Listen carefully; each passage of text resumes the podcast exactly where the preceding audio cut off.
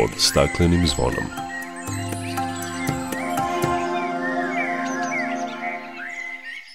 Dobar dan, dobrodošli na Zeleni talas prvog programa radija Radio Televizije Vojvodine. Ja sam Dragana Ratković. Poslanici u Skupštini Srbije usvojili su zakon o klimatskim promenama. Čućete šta uređuje ovaj zakon i koje promene možemo očekivati. Ovih dana beležimo nekoliko važnih datuma u ekološkom kalendaru o kojima ćemo govoriti i u emisiji. Danas, 21. marta, obeležava se Svetski dan šuma, kako bi se ukazalo na značaj drveća i istakle brojne koristi koje od njih ima čovečanstvo. Čućete u kakvom su stanju šume u Vojvodini, šta ih ugrožava, da li se sečom obnavljaju ili smanjuju površine pod šumama. Sutra, 22. marta, obeležava se Dan voda, kojim se ukazuje na značaj i potrebu očuvanja vode kao resursa bez kojeg nema života na planeti. Govorit ćemo o dostupnosti kvalitetne vode, koje je sve manje, o zagađenju voda, da li se Srbija pridržava evropskih standarda o kvalitetu vode za piće i kakvu vodu piju Vojvođani. Toliko u najavi o svemu opširnije nakon pozdravne pesme. Dok priroda kraj nas plače Za vladarskim svojim tronom Tužno vele narikače Pod staklenim smo zvonom. Znaj vazduha više nema Sve manje je i ozona. Protiv sebe ide čovek i to često pardona. Uništenju živog sveta Kao da su ljudi skloni Čovek sam je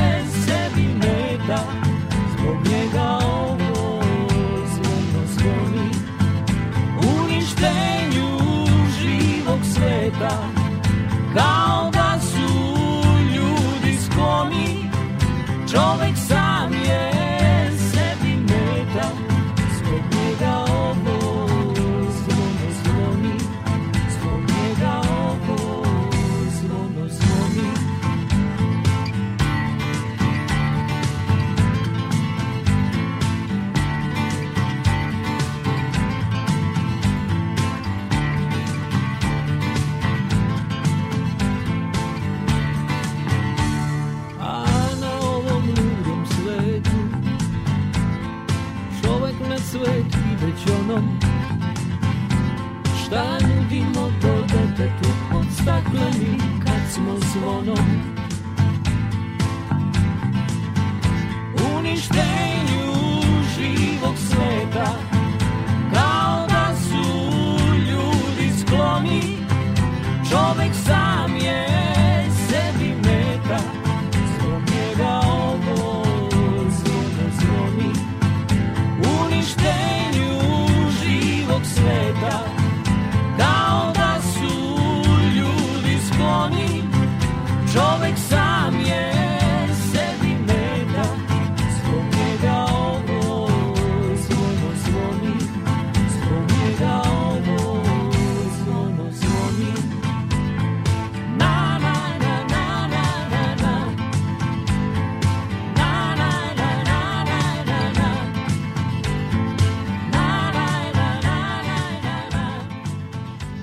Nakon dve i po godine od završetka javne rasprave o nacrtu zakona o klimatskim promenama, zakon je usvojen u Skupštini Srbije.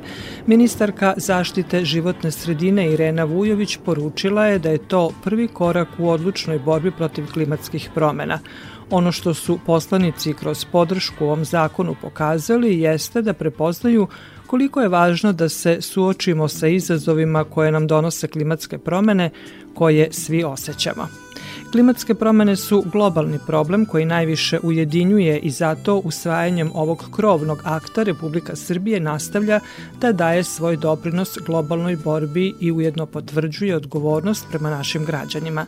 Zakon o klimatskim promenama je osnov za uspostavljanje sistema za ograničenje emisije gasova sa efektom staklene bašte, što će pozitivno se odraziti na zdravlje građana i privredni razvoj, izjavila je ministarka Irena Vujović. A šta uređuje budući zakon o klimatskim promenama i koje promene možemo očekivati, pitanje je za Danijelu Božanić, eksperta u toj oblasti. Prvo, činjenica je da je prvi put zakon u ovoj oblasti uopšte znači, koncipiran i usvojen. Do sada je ova oblast bila potpuno neregulisana, zapravo postavile su neke osnovne odredbe koje su bile u zakonu o zaštiti vazduha, međutim prosto znači sve ono što je međunarodno pravo, odnosno međunarodni zahtevi i obavez Srbije prema konvenciji Ujedinjenih nacija o promjeni klime i sporazumu iz Pariza i sve ono što je zakonodavstvo Evropske unije prosto je ostalo neregulisano što se tiče oblasti klimatskih promena. Konkretno šta zakon uvodi? Uvodi e, osnove koje se tiču monitoringa, izveštavanja i verifikacije. Drugim rečima, znači on neće nužno samo po sebi doneti do nekog boljitka u smislu efikasnih mera, smanjenja emisija gasova sa efektom staklene bašte ili boljeg prilagođavanja na izmenjene klimatske uslove, ali će doneti jednu dobru bazu za merenje, izveštavanje i verifikaciju kao osnovne zahteve, da tako kažem, za jedno ozbiljno i dobro planiranje. Znači, prosto on, on daje osnov da se negde napravi, da tako kažem, jedan sistem koji će pratiti kako je trenutno stanje, na osnovu koga će se raditi dalje planiranje kroz strategiju smanjenje emisije gasova sa efektom staklene bašte ili nisku ugljeničnu strategiju kroz plan ili program adaptacije na izmenjene klimatske uslove, znači i praćenje sprovođenja ovih dokumenta kako bi znači se moglo napraviti određeno unapređenje u, u nekoj budućnosti.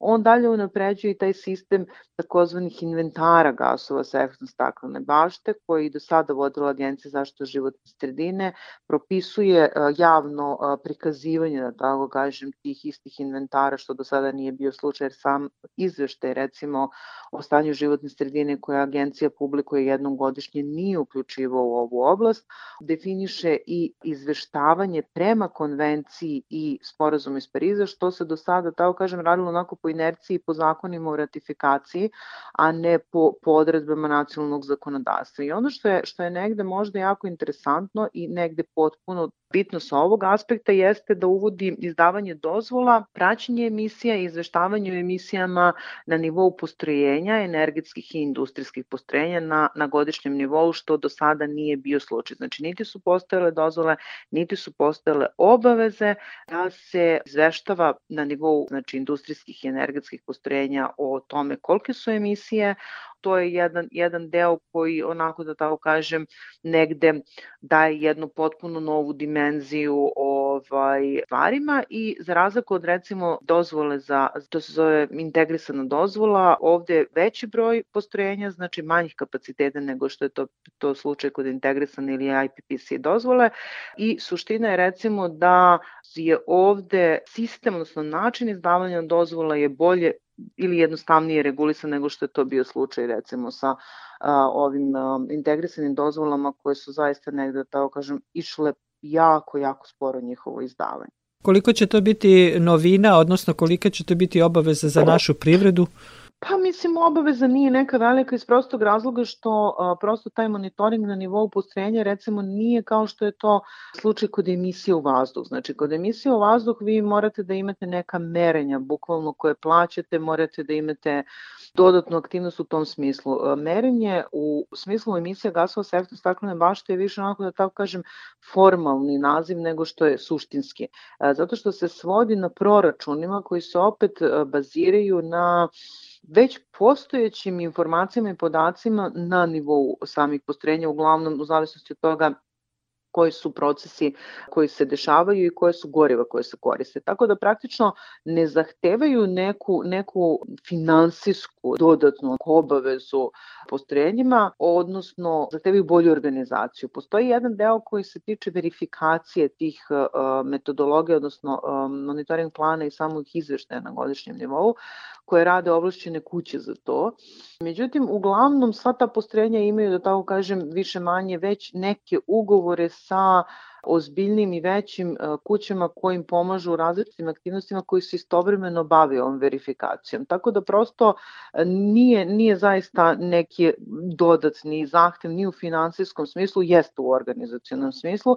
S druge strane, šta je dobit za industriju? Pa dobit za industriju je posebno sa novim zakonodavstvom Evropske unije koje će do sredine ove godine da uvede pravila takozvane takse na granicama Evropske unije, znači za određenu četiri proizvoda već od 2023. odnosno četiri vrste industrije već od 2023. godine sa idejom da se proširi dalje na sva industrijska i, i ovaj, energetska postrojenja, pa čak kroz neke druge ovaj, oblike i na druge vrste privrede.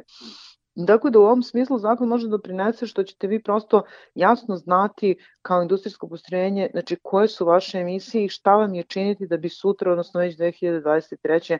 mogli da izvezete i dalje proizvod na tržište Evropske unije. Mnogi građani su očekivali ovaj zakon o klimatskim promenama nadajući se da će imati čistiji vazduh. Da li to mogu da očekuju od ovog zakona? Pa mislim, jedno drugo ne isključuje, ali jedno drugo ne, ne implicira direktno. Znači, emisije gasova sa efektom staklena bašte nisu emisije u vazduh, što ne znači nužno da ovaj zakon neće doprineti indirektno, da tako kažem, i poboljšanju kvaliteta vazduha. Zašto? Zato što se on bavi energetskim postrojenjima. Znači, prosto energetska postrojenja definitivno jesu tako je najviše doprinose i samim emisijama u vazduh. Međutim, prosto, znači, zakon o zaštiti vazduha je taj koji treba da reguliše stanje kvaliteta vazduha. Tako da ovaj zakon može da, da doprinese dodatno, ali definitivno ovaj zakon neće imati kao prvi rezultat smanjenje emisije u vazduhu, odnosno poboljšanje kvaliteta vazduha. Zakonom se propisuje izrada važnih strateških dokumenta koji treba e, da se donesu u roku od dve godine od usvajanja zakona o klimatskim promenama. Reč je o strategiji niskougljeničnog razvoja, akcionom planu za sprovođenje strategije kao i programu prilagođavanja na izmenjene klimatske uslove. Mnogi su ovaj rok e, od dve godine rekli da je predug i da bi trebalo što pre usvojiti ove strateške dokumente jer su oni važni za sprovođenje ovog krovnog zakona o klimatskim promenama. Dve godine znači do dve godine. To ne znači da će neko čekati nužno dve godine. Tako da mislim da je to bavljanje potpuno nebitnim stvarima. Posebno imajući u vidu da strategija niskogljeničnog razvoja je završena 2018. isto kao što je bio i zakon završen. Stvar je političke volje da se ta strategija usvoji ili da se ne usvoji. Da li je zakon o klimatskim promenama, čija je javna rasprava o nacrtu zakona završena pre dve i po godine, usklađen sa Parijskim sporazumom i zakonodavstvom Evropske unije? Nažalost ne. Ja zaista verujem da je negde dobro da, da je još zakon usvojen, zato što prosto, kao što sam rekao do sada, nikakav zakon nije postojao. Znači, jako je bitno da zakon se sprovodi. Ali, nažalost, ne, nije usklađen niti sa sporazumom iz Pariza, niti sa zakonodavstvom Evropske unije koja je počela da važi od ove godine. Mislim, paradoks je još veći da vam je zakon usklađen sa zakonodavstvom Evropske unije koje je prestalo da važi od ove godine. Iz kog razloga je to tako, ja zaista ne znam. Bilo je dovoljno vremena da se uskladi. Nisu to neke jako velike razlike, ali mislim da je mogao da ima mnogo veći kvalitet i prosto da se pokaže apsolutno poznavanje oblasti, da je usklađen sa zahtevima sporazuma iz Pariza i sa novim zakonodavstvom Evropske unije. Evo primjera radi da će Srbija, odnosno vlada, usvajati dvogodišnji ažurirani izveštaj koji je obaveza prema okvirnoj konvenciji, odnosno sporazuma iz Pariza. Dvogodišnji ažurirani izveštaj više ne postoji od 2021. godine. Taj izveštaj se sada zove dvogodišnji izveštaj o transparentnosti ili dvogodišnji transparentni izveštaj, kako god hoće. Stvarno ne shvatam zašto se nije moglo ići u suštinske izvojne dve i po godine prošlo, da zakon nije čak ni te kozmetičke izmene doživeo za, za skoro tri godine. Da li će to uticati na samu primjenu zakona? Pa na primjenu zakona će opet uticati to da li neko želi da ga sprovodi ili ne. On kao takav možda da dobru osnovu, nije Biblija, može da se menja u hodu, da tako kažem. Mislim da je jako bitno da bar krene sa sprovođenjem u ovoj formi u kojoj jeste, da bi se negde kolika tolika osnova ostvarila, a da se prosto već krene negde sa, pored toga sa pripremom podzakonskih akata, znači i sa predlogom izmena zakona, jer ovde nemojte da zaboravite, vi zakon nećete uh, moći da sprovodite dok ne usvojite podzakonska akta. Vama je masa stvari određena podzakonskim aktima.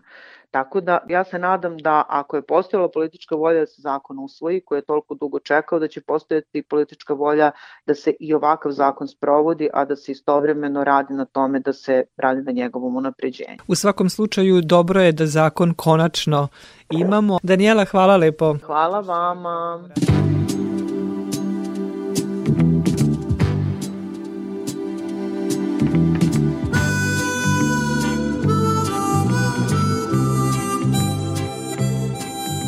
Slušate emisiju pod staklenim zvonom. U borbi protiv klimatskih promena važna je i energetska tranzicija kao obnovljivim izvorima energije koja će smanjiti emisije gasova s efektom staklene bašte, pa se uskoro očekuje i donošenje zakona o obnovljivim izvorima energije i zakona o energetskoj efikasnosti. Donošenjem tih zakona doći će do značajnijih promena u energetskom sektoru, izjavila je ministarka rudarstva i energetike Zorana Mihajlović prilikom obilaska vetroparka u Kovačici. O tome Snežana Đurić.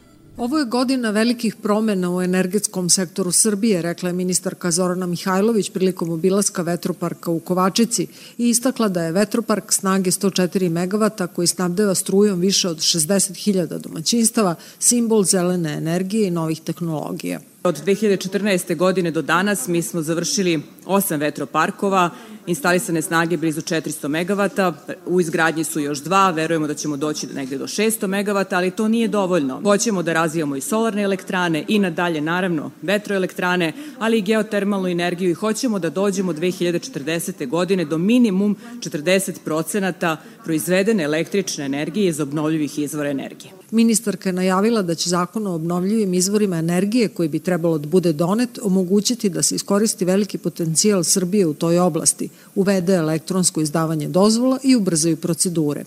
Potpisana je i energetska dozvola za izgradnju vetroparka Pupin, koja bi trebalo da počne sledeće godine. U planu je da izraelski investitor izgradnju vetroparka Pupin završi do sredine 2023. godine.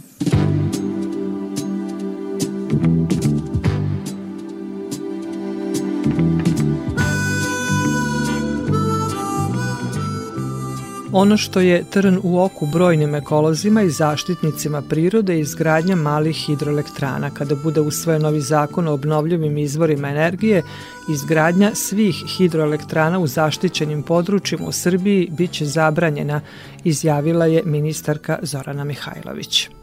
To je tema o kojoj se godinama, poslednjih u stvari nekoliko godina puno govorilo i možda je to pitanje malih hidroelektrana trebalo da bude rešeno kroz jedan potpuno drugi zakon, s drugog ministarstva, ali mi se čini da se to nije desilo prethodnih godina i mi smo imajući u vidu da su male hidroelektrane pre svega obnovljiv izvor energije, u našem novom zakonu o obnovljivim izvorima energije uredili pitanje izgradnje malih hidroelektrana. A to znači sledeće. U zonama zaštite prvog, drugog, trećeg stepena zaštite zabranjena je izgradnja svih hidroelektrana. To znači, bez obzira da li su male, da li su male derivacione, da li su velike, srednje i tako dalje, nema izgradnje hidroelektrana. Bez obzira kog su kapaciteta, snage, kako god bilo, neće ih biti u zonama zaštite životne sredine. Naravno, mi danas imamo jedan Đerdap, jedan, dva velike hidroelektrane u nacionalnom parku. Dakle, samo odlukom vlade, ukoliko je nešto državni nacionalni interes i ukoliko je pitanju velika hidroelektrana, može se razmatrati i u tom smislu graditi. I mislim da je to važno. Dakle, važno je zbog toga što je zaista bilo problema u izgradnji malih hidroelektrana, pogotovo derivacionih hidroelektrana i kako god mi više vremena da razmišljamo o prošlosti nemamo. Dakle, to je jedna od stvari koja se tiče malih hidroelektrana u novom zakonu o obnovljivim izvorima energije.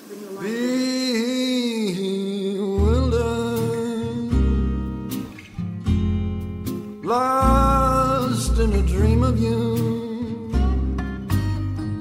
Where is the love I once knew Why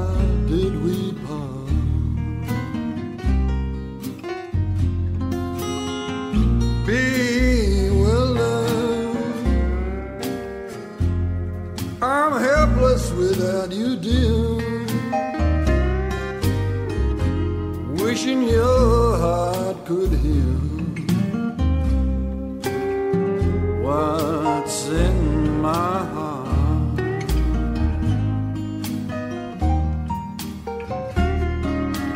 Why must I?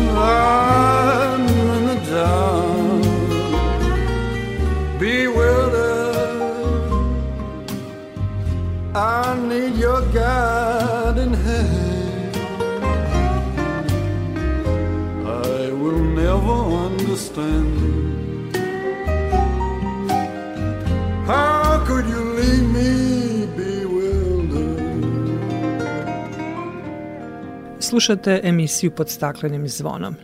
Juče u 10 sati i 37 minuta stiglo nam je proleće dok je istog dana na južnoj zemljinoj polulopti počela jesen. Proleće će trajati 94 dana do 21. juna u 5 sati i 32 minuta kada počinje leto. Danas je kalendarski prvi dan proleća, ali u svetu se 21. marta obeležava i Svetski dan šuma koji je ustanovljen 1971. godine da bi se ukazalo na značaj drveća i istakle brojne koristi koje od njih ima čovečanstvo. Šume su najsloženiji kopneni ekosistemi, pokrivaju oko 30% kopna na planeti, dom su za 80% svih kopnenih vrsta. One pružaju brojne ekosistemske usluge od, od pročišćavanja vazduha i vode do proizvodnje hrane i drugih brojnih usluga. Važni su apsorberi ugljen dioksida, ublažavaju klimatske promene i tako dalje. Veliku štetu nanose im suše izazvane klimatskim promenama, krčenje šuma za potrebe poljoprivrede, gradnje naselja. Uništavanjem šuma nastaju ekološke promene sa velikim posledicama, među kojima su prvenstveno promena tla i klime, kao i nestanak mnogih biljnih i životinskih vrsta. Pošumljenost Srbije je oko 29%, dok je u Vojvodini pošumljenost mala, iznosi nešto više od 6%. U kakvom stanju su naše šume, šta ih ugrožava, da li se sečom obnavljaju ili smanjuju površine pod šumama i kako zaštititi šume. Ovo su pitanja o kojima ću razgovarati sa mojim gostom, izvršnim direktorom za šumarstvo, ekologiju i razvoj u javnom preduzeću Vojvodina šume, Markom Marinkovićem. Marko, dobar dan i dobrodošli na talase Radio Novog Sada. Dobar dan i hvala na prilici da razgovaramo o ovoj važnoj temi. Vojvodina šume gazduje većim delom šuma, ali vi ne samo da gazdujete, nego ste vi i upravljači mnogih zaštićenih područja. Znamo da je pošumljenost u Vojvodini mala. U kakvom su stanju te šume kojim vi gazdujete? Dobro ste rekli, Vojvodina šume gazduju najvećim delom e, šuma na području autonomne pokrajine Vojvodine i površine pod šumama koje su date na gazdovanje su nasleđeno stanje u skladu sa prostornim planovima i u skladu sa stanjem u našoj, u našoj pokrajini. Jako je važno da razdvojimo dve teme. Sadašnje šume, odnosno površine pod e, šumama koje su sada aktuelne i pošumljavanje novih površina. Moramo da razlikujemo šumarstvo, moramo da razlikujemo održivo korišćenje šuma od krčenja šuma. Dakle, nije šumarska seča ni jedna krčenje šuma. To je ono što je važno da, da znamo i e, jako se dobro e, pogodilo da pričamo o Svetskom danu šuma. Ako pogledate na, na sajtu FAO, tema ove godine jeste obnova šuma i jeste održivo korišćenje šuma. Ekološki efekti održivo korišćenja šuma jesu suština. Šumarstvo predstavlja jednu ekološki opravdanu disciplinu i šumarstvo u sebi podrazumeva upravo ekološke aktivnosti, a te aktivnosti mogu da se ogledaju i u tome u svim, u svim zaštitnim ulogama koje šuma ima, ali isto i u tome da je drvna industrija i da je drvo kao materijal poželjno i ekološki opravdano stavljati na postupanje daljem, daljem društvu. Pomenuli ste ovogodišnji moto e, Svetskog dana šuma, koji bi možda neki preveli put do oporavka i blagostanja, ali da se vratimo na ono da vidimo u da. kakvom su one trenutno da. stanju. Obzirom da se u Vojvodini šumarstvo razlikuje od šumarstva u ostalom delu naše zemlje, odnosno u Vojvodini se šumama se gazduje na jedan intenzivan način, gde je prisustvo struke u visokom procentu na intenzivnom nivou evidentno. U tom smislu su e, šume u Vojvodini u jako dobrom stanju. Imamo jako dobre šume po strukturi što se tiče same Vojvodine. To što ih nema dovoljno, ja opet vraćam na temu, to je nacionalno pitanje, to nije pitanje jednog preduzeća ili čak jednog ministarstva, to je pitanje kako da se ova kolizija između sektora, a pričamo o poljoprivredi, pričamo o građevini, pričamo o nekim drugim industrijama koje su pritisle e, šumsko zemljište, kako da se taj problem reši. To je preduslov svih preduslova da bi se povećala šumovitost u Vojvodini. Dakle, mi slobodnih površina za podizanje šuma trenutno nemamo. Postoje studije, postoje teme, postoje projekti koje radi i šumarski fakultet i to moramo pomenuti i negde je šansa ako poljoprivreda ne ustupi određene površine da to budu neki vetrozaštitni pojasevi koji su opet tema za sebe, jedno dosta kompleksno pitanje, ali tu je, tu je šansa. Ali ako su šume u dobrom stanju, zašto onda imamo tako česte seče zbog kojih građani često i protestuju? Nama su šume u, u dobrom stanju baš zato što imamo takve seče obnove. Dakle, seče obnove ne predstavljaju ništa drugo do obnove onih šuma kojima je to potrebno. Odnosno, svaka šumarska aktivnost, koncept šumarstva u zemlji Srbije je takav da, je to, da su to prirodi bliski procesi. Mi ako ne bi imali te seče obnove, nama bi šume bilo u jednom drugom stanju, gde bi priroda preuzela određene procese substitucije i nekih sukcesija koje bi dovele do šuma lošijeg kvaliteta. Kad kažem lošije kvaliteta, mislim i na biodiverzitet, mislim i na socijalne, mislim i na ekološke, ali i na one ekonomske parametre. Dakle, nama su potrebne zdrave i vitalne šume. I ono što je suštinska zamena teza i suštinska greška u pristupu jeste što se te seče doživljavaju kao neki ekocid. I to jeste problem ovog društva, zato što danas imamo jednu jako absurdnu situaciju da se šume brane od šumara. Dakle, mi imamo jednu dugu tradiciju i o našim rezultatima govore podaci. Jako je važno da javnost bude objektivno obaveštena. Ako pričamo o aktuelnim problemima u Vojvodini, o protestima koji su u okolini Novog Sada, absurdni su zahtevi koji se postavljaju pred šumare. Reč je o seči stare polojske e, šume kod Bačke Palanke, šumi hrasta staroj i do 120 godina i e, građani ekološka udruženja i aktivisti su se pobunili zbog te seče smatrajući e, da je na taj način prekršen zakon o zaštiti prirode jer je to deo ekološke mreže. Vi s druge strane opet e, tvrdite da imate sve potrebne dozvole i saglasnosti i pokrajinskog sekretarijata za poljoprivredu, šumarstvo i vodoprivredu i pokrajinskog zavoda za zaštitu prirode i da je to predviđeno nekim vašim, vašim planom. Kako uskladiti to da radite obnovu seče, ali da to ne bude na štetu prirode, kako to smatraju u, u, u ekološko udruženje?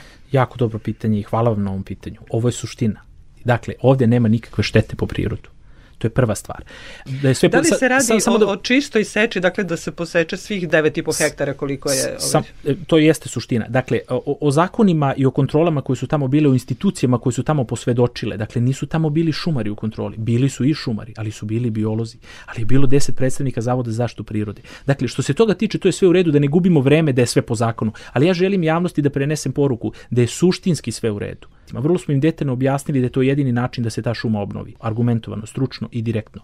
Ja ih sad pozivam i ovom prilikom da nađu bilo kog pojedinca šumarske struke, bilo koju instituciju koja će da dođe i da kaže da je tamo bilo šta ugroženo. Dakle, ovo je tehnologija koja se primenjuje u Srbiji, koja se primenjuje u Evropi, koja se primenjuje u svetu i u odnosu na hrast lužnjak druga tehnologija ne postoji. Dakle, ne postoji način da se ova šuma obnovi i da se stanište hrasta, odnosno stanište svih tih vrsta za koje se oni bore, sačuva osim ako ovu šumu ne obnovimo. A zašto su šumari uopšte prisutni? Zato što to nije stanište za hrast idealno, već je to neko granično stanište za hrast i ovaj hrast je doživeo 120 godina zato što ne može da doživi više. Dakle, u ovom trenutku u poloju je hrast dostigo svoj životni vek. Ne plodonosi 10 godina, stagnirao je prethodnih 10-15 godina i sada počinje da se razgrađuje. To je ono što je važno da ljudi razumeju razumeju. Zašto se to na taj način radi? To su ozbiljna stručna pitanja na koje možemo da odgovorimo i odgovorili smo svakome koga to zanima. Ali ne postoji druga alternativa i ono što je suštinska stvar, što ovde nije ugroženo stanište, što ovde nisu ugrožene vrste za koje se oni bore.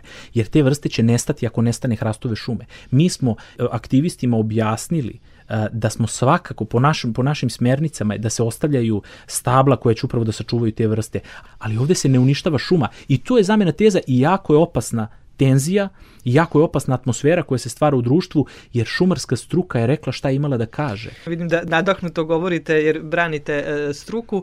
Zašto šumari i ekolozi nikada ne mogu da nađu zajednički jezik? Šumari i ekolozi su našli zajednički jezik. Ja moram da kažem da postoje mnoge organizacije sa kojima mi imamo sjajnu saradnju. To je pokret Gorana Vojvodine, to je organizacija WWF.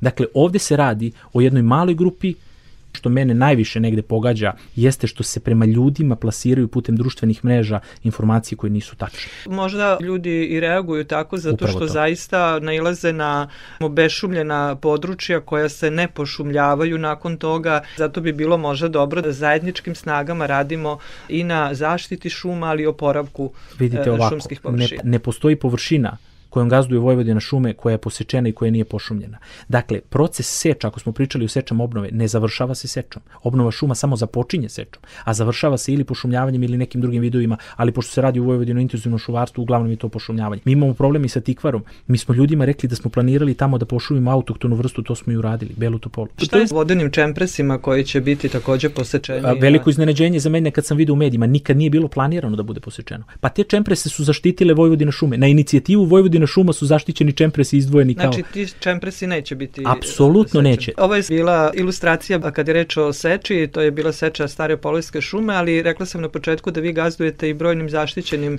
e, područjima. Kako gazduje tim šumama? Ukupan šumski fond je u procentu od 65% zaštićen nekim vidom zaštite. Dakle, mi smo aktivnim merama zaštite prirode uspeli da uradimo određene projekte, uspeli da vratimo određene vrste. To je taj spoj ekologije gde, gde šumarstvo ne isključuje ekologiju. Nama je vrlo lako da to radimo i zašto smo uspešniji od drugih upravljača? Zato što imamo proizvodnju koja je održiva. Imamo novac koji vraćamo u prirodu i to je jedina stvar koja je važna. Dakle, zaštićena prirodna dobra su ugrožena u onoj meri kada nema dobrog domaćina. Postoje... Mnogi smatraju da šumari ne mogu biti dobri domaćini upravo što je njihova prirodna delatnost šumarstvo, a ne zaštita upravo je prirode. Šumarstvo, upravo je šumarstvo zaštita prirode ali je dobro da postoje ekološka udruženja i građani Absolut. koji ukazuju na neke stvari. Apsolutno. Ne kažem ja da je kod nas sve besprekorno i da je sve sjajno, pa nama, nama mnogo znači saradnja i sa pokretom Gorana i sa drugim aktivistima ekološkim koji dolaze da nam ukazuju na neke stvari, jer socijalne funkcije šuma i utisak lokalnog stanovništva koje se naslanja na te šume i njihov e, nivo zadovoljstva je jako važan i to je sve inkorporirano u planove gazdovanja šumama. Tako da aktivizam apsolutno podržavam i ove godine zbog pandemije ne možemo da obeležimo e, svetski dan šuma kako smo svake godine to radili radili zajedno upravo sa ekološkim aktivistima gde smo organizovali pošumljavanja i ostale aktivnosti. Koncept kojim se identifikuju i štite šume koji imaju izuzetnu ekološku i socioekonomsku i kulturnu vrednost, odnosno vrednost za očuvanje biodiverziteta i predela, je koncept šuma visoke vrednosti očuvanja koji je definisan 99. godine i definisala ga je Međunarodna organizacija Savet za upravljanje šumama koji dodeljuje sertifikate. Vi takav sertifikat eh, FSC posedujete, dakle to je reč o sertifikatu za održivo gazdovanje. Dakle, taj sertifikat uslikava da li se gazduje šumama na jedan održiv način i jasno su definisani standardi, jasno su definisane smernice. Mi smo svake godine predmet međunarodne kontrole koja dolazi ove godine? sledeće nedelje. I to je najavljeno i ja ih jedva čekam da dođu i da negde iskontrolišu polijsku šumu, ako smo malo pre o tome pričali, jer smo dobili prijavu i ovaj, ja, ja zaista... Izaći će, jed, naravno, da će, naravno da će izaći na teren, ja jedva čekam da kontrola dođe i da javnosti prezentujemo šta je ta kontrola ustanovila. Ne bi škodila možda neka veća saradnja sa ekološkim udruženjima kad je u pitanju zaštita šuma i samo za kraj pomenuli smo na početku moto e, Dana šuma, put od, do oporavka i blagostanja, možda za kratko kako da postignemo to blagostanje koje nam šume mogu dati. Ako imamo dobru volju i ako poštujemo struku, lako ćemo to da postignemo, a što se tiče bolje saradnje i te vaše konstatacije, ja moram da vam kažem da ne postoji udruženje ili pojedinac koji se javio u Vojvodina šumama e, koji nije dobio odgovor ili neki vid saradnje. Gospodine Marinkoviću, hvala vam lepo za razgovor. Hvala vama mnogo na prilici.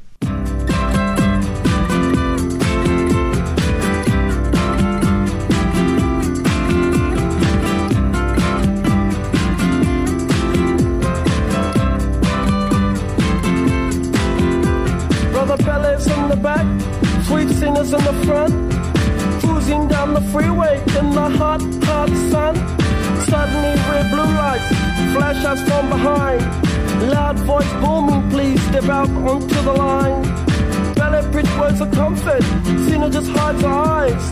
Policeman taps the shades and sell a Chevy 69. How bizarre! How bizarre! How bizarre! Destination unknown as we're pulling for some gas. Officially placed a poster reveals a smile from the pack. Elephants and acrobats, lion, snakes, monkey. Billy speaks righteous, Sister Cena says funky. How bizarre! How bizarre! How bizarre! Ooh, baby. Ooh, baby. It's making me crazy. It's making me crazy. Every time I look around. Every time I look around. Every time I look around. Every time I look around. It's in my face. Ringmaster stiffs up, the elephants lift down. People jump and jive, and the clowns are stuck around. TV news and cameras, there's choppers in the sky. Marines, police, reporters ask where, for, and why. Billy yells, we're out of here. Cena says, right on. Making moves and starting grooves before they knew we were gone. Jumped into the Chevy, headed for big lights. Wanna know the rest? Hey, by the rights, how bizarre!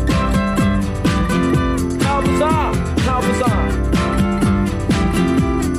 Ooh, baby. Ooh, baby. It's making me crazy. It's making me crazy. Every time I look around. Every time I look around. Every time I look around, Every time I look around. It's in my face.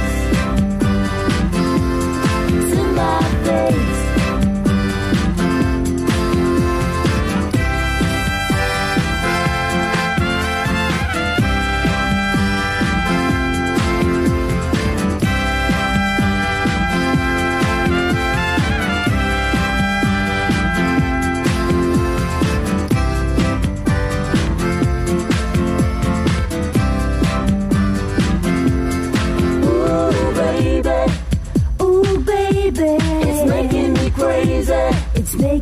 Crazy. Every time I look around. Every time I look around. every time I look around, Every time I look around. It's in my face.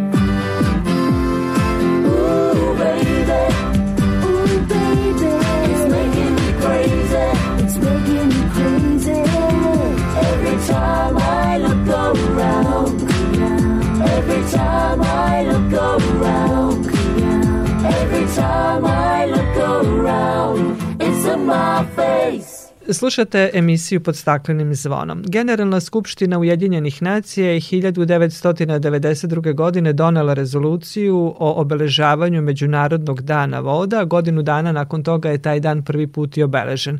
Ujedinjene nacije su ovim obeležavanjem želele da podsete javnost na važnost vode i njenu zaštitu, kao i na nedostatak vode za piće u mnogim delovima sveta. O značaju vode za život na planeti, o potrošnji, o zagađenju i zaštiti voda razgovaram sa doktorom Srđanom Rončevićem sa Departmana za hemiju, biohemiju i zaštitu životne sredine. Profesore, dobar dan i dobrodošli na Zeleni talas Radio Novog Sada. Dobar dan i hvala što ste me pozvali da gostujem. Bez vode, kažu, nema života i koristimo je u svim oblastima, ali ne razmišljamo koliko nam ona znači kada imamo u dovoljnim količinama. Dostupnost vode je danas sve manja zbog porasta stanovništva, sve većih zahteva e, potrošnje, poljoprivrede, industrije, rasipanja vode, ali usled klimatskih promena zagađenja. Kakva je situacija u svetu i kod nas? Kad e, kažete dostupnost vode, ja bi dopunio dostupnost kvalitetne vode. Vode, jer e, kada pričamo o dostupnosti vode, mi pre svega mislimo na onu situaciju ako zamislite da se nalazite u čamcu sred okeana, znači vama je voda dostupna, ali ona nije odgovarajućeg kvaliteta. Tako da kada pričamo o dostupnosti vode treba budemo svesni da tu onda pričamo o onoj vodi koju možemo da koristimo, koja može da zadovolji naše potrebe. Nažalost, takve vode je generalno malo, samo jedan mali deo vode čini e, slatkovodna voda i onda još kad se osvrnemo na reke i jezera, onaj neki deo vode koji mi obično vidimo, to je svega znači oko 1 e, do 2 procenta takve vode značajnije su nam tu podzemne vode, one nam ovaj doprinose i do 20 jel, procenata, ali najveći deo te neke slatkovodne vode nalazi se u lednicima na polovima i mi takvu vodu ne možemo direktno da koristimo.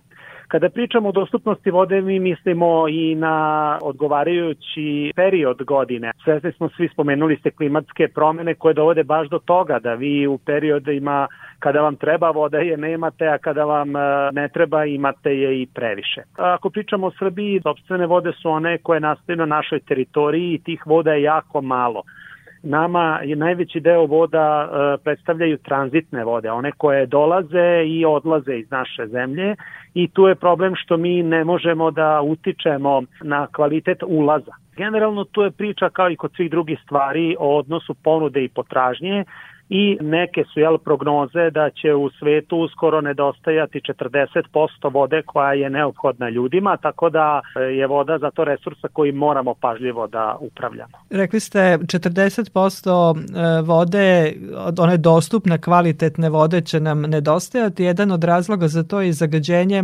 vode koji kod nas barem predstavlja veliki problem. Šta su glavni izvori zagađenja kod nas? Glavni izvor zagađenja je su otpadne vode i tu bih razdvojio na komunalne otpadne vode gde na prvom mestu se nalaze naravno najveće aglomeracije kao što su Beograd i Novi Sad i oni bi prvi to trebali da rešavaju, a zatim sledeće su industrijske otpadne vode, Ako samo ovako to zamislite da u Vojvodini imate 500 zagađivača koji ispuštaju otpadne vode u kanalsku mrežu, a znamo da je kanalska mreža sa malim proticajima, sa sporim proticajima, da ona se kreće kroz poljoprivredne površine odakle treba i da se koristi voda za zalivanje useva, onda nam je jasno da su uticaj tih izvora zagađenja veoma veliki. E sad ima unapređenja, pojedine industrije su napravile pomak kako bi prečišćavali otpadne vode, kako bi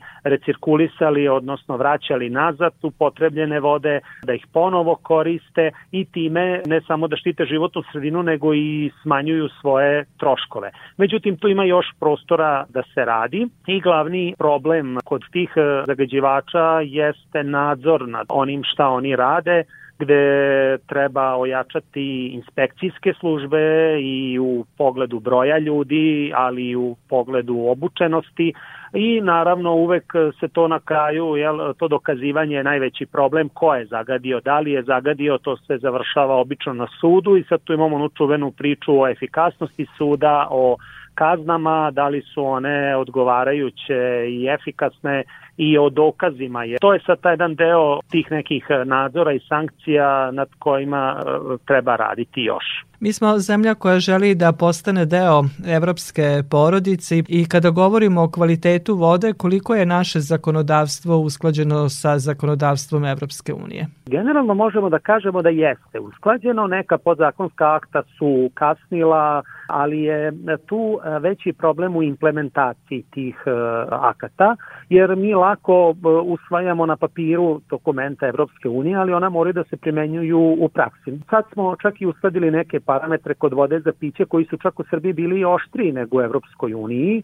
Radi jednostavno tog usklađivanja, ako je dobro za Evropsku uniju, pa treba e, da bude dobro onda i za nas čak i Evropska unija tu istrožija u odnosu na svetsku zdravstvenu organizaciju, jer svetska zdravstvena organizacija mora da posmatra i veoma siromašne oblasti koje su pod velikim stresom po pitanju voda i Evropa je tu postavila više standarde jer je bogatiji kontinent i postavila je oštrije vrednosti i mi smo transponovali te vrednosti kod nas. Tako da sa te strane za početak ajde da ispoštujemo ovaj, to što smo usvojili. Kad već govorimo o standardima Evropske unije, nedavno je stupila na snagu direktiva 2020 kroz 2184 Evropskog parlamenta i Evropskog saveta o kvalitetu vode namenjene za ljudsku potrošnju, a u saopštenju Evropske komisije se navodi da veliku zabrinutost predstavlja to što se Srbija ne pridržava standarda o kvalitetu vode u pojedinim oblastima i tu navode e, nivo arsena kao primer u pijaćoj vodi.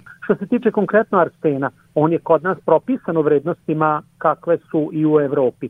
Ja ne verujem da su oni ovde mislili da mi nismo definisali vrednost, to je tih 10 e, mikrograma po litri u vodi za piće.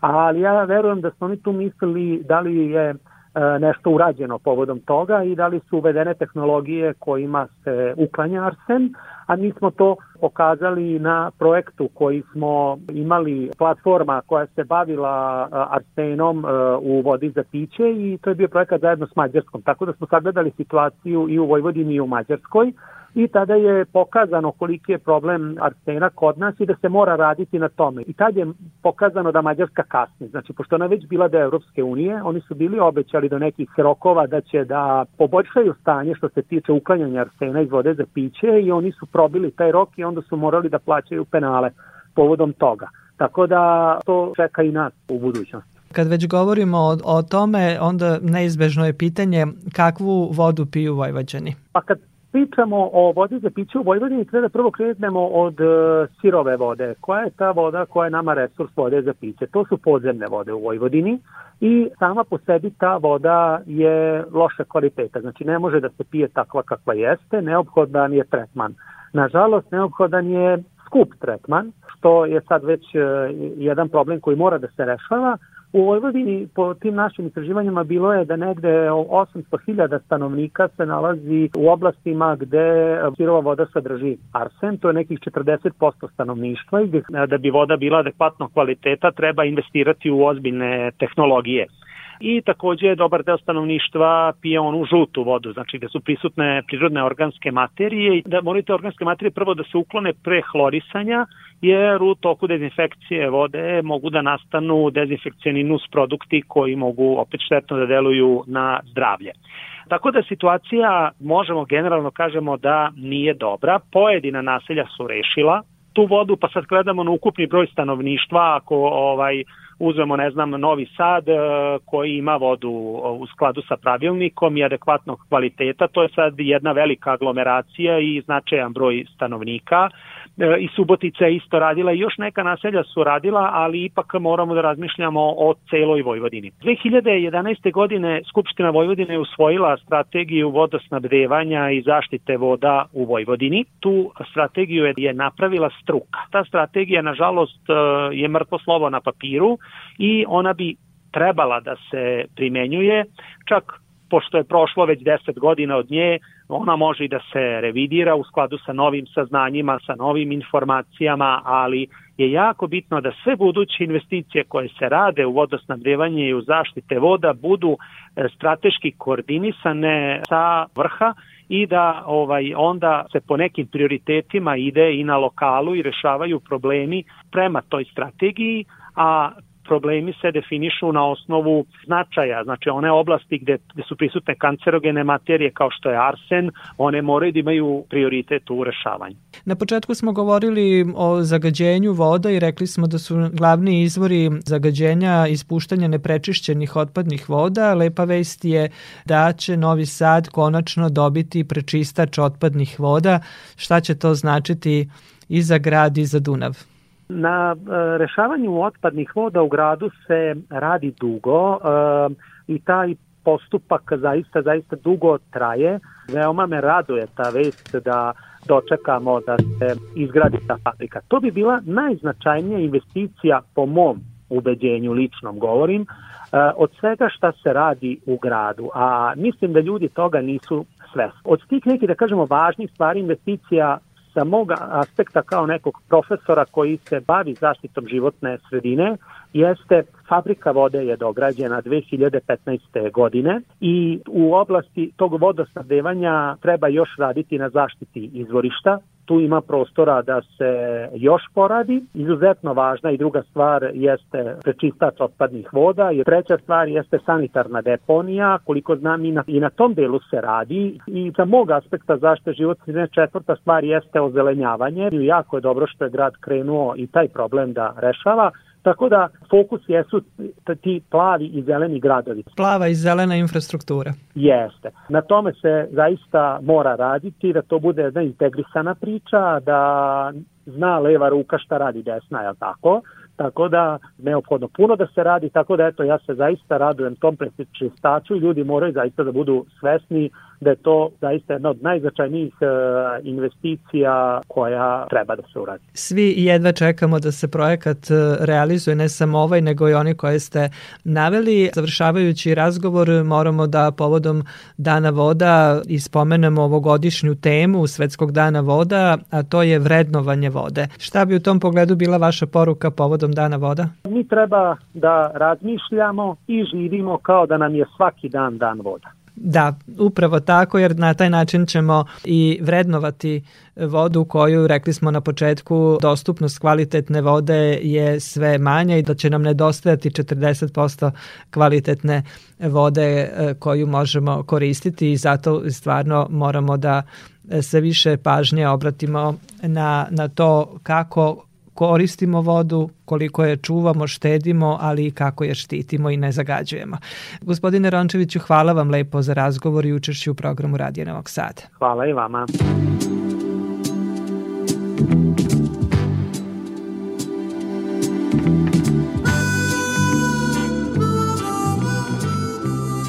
Slušate emisiju pod staklenim zvonom.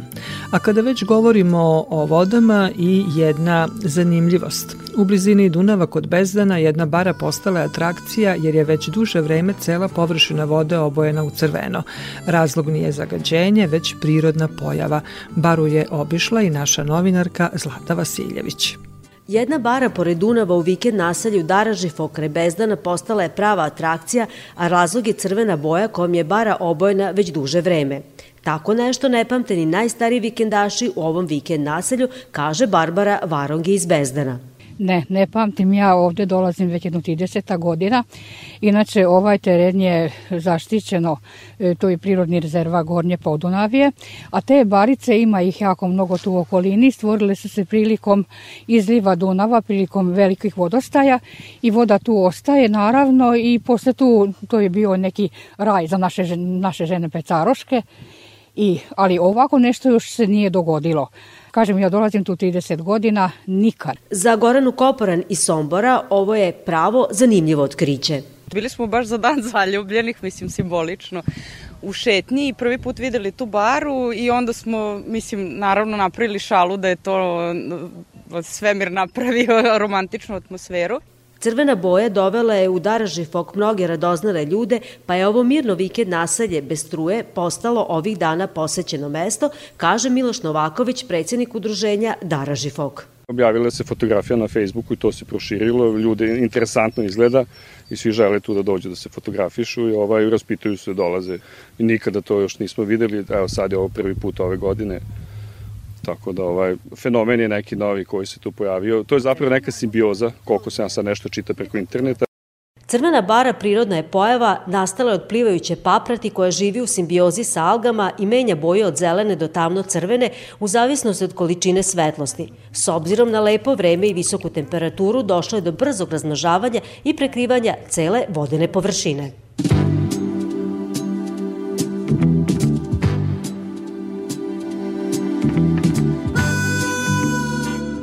Došli smo do kraja emisije pod staklenim zvonom koju možete slušati i odloženo na podcastu Radio Televizije Vojvodine na adresi rtv.rs. Na pažnju vam zahvaljuju Sabina Nedić, Zoran Gajinov i Dragana Ratković. Naredni susret zakazujemo za sedam dana u isto vreme na zelenom talasu prvog programa radija Radio Televizije Vojvodine.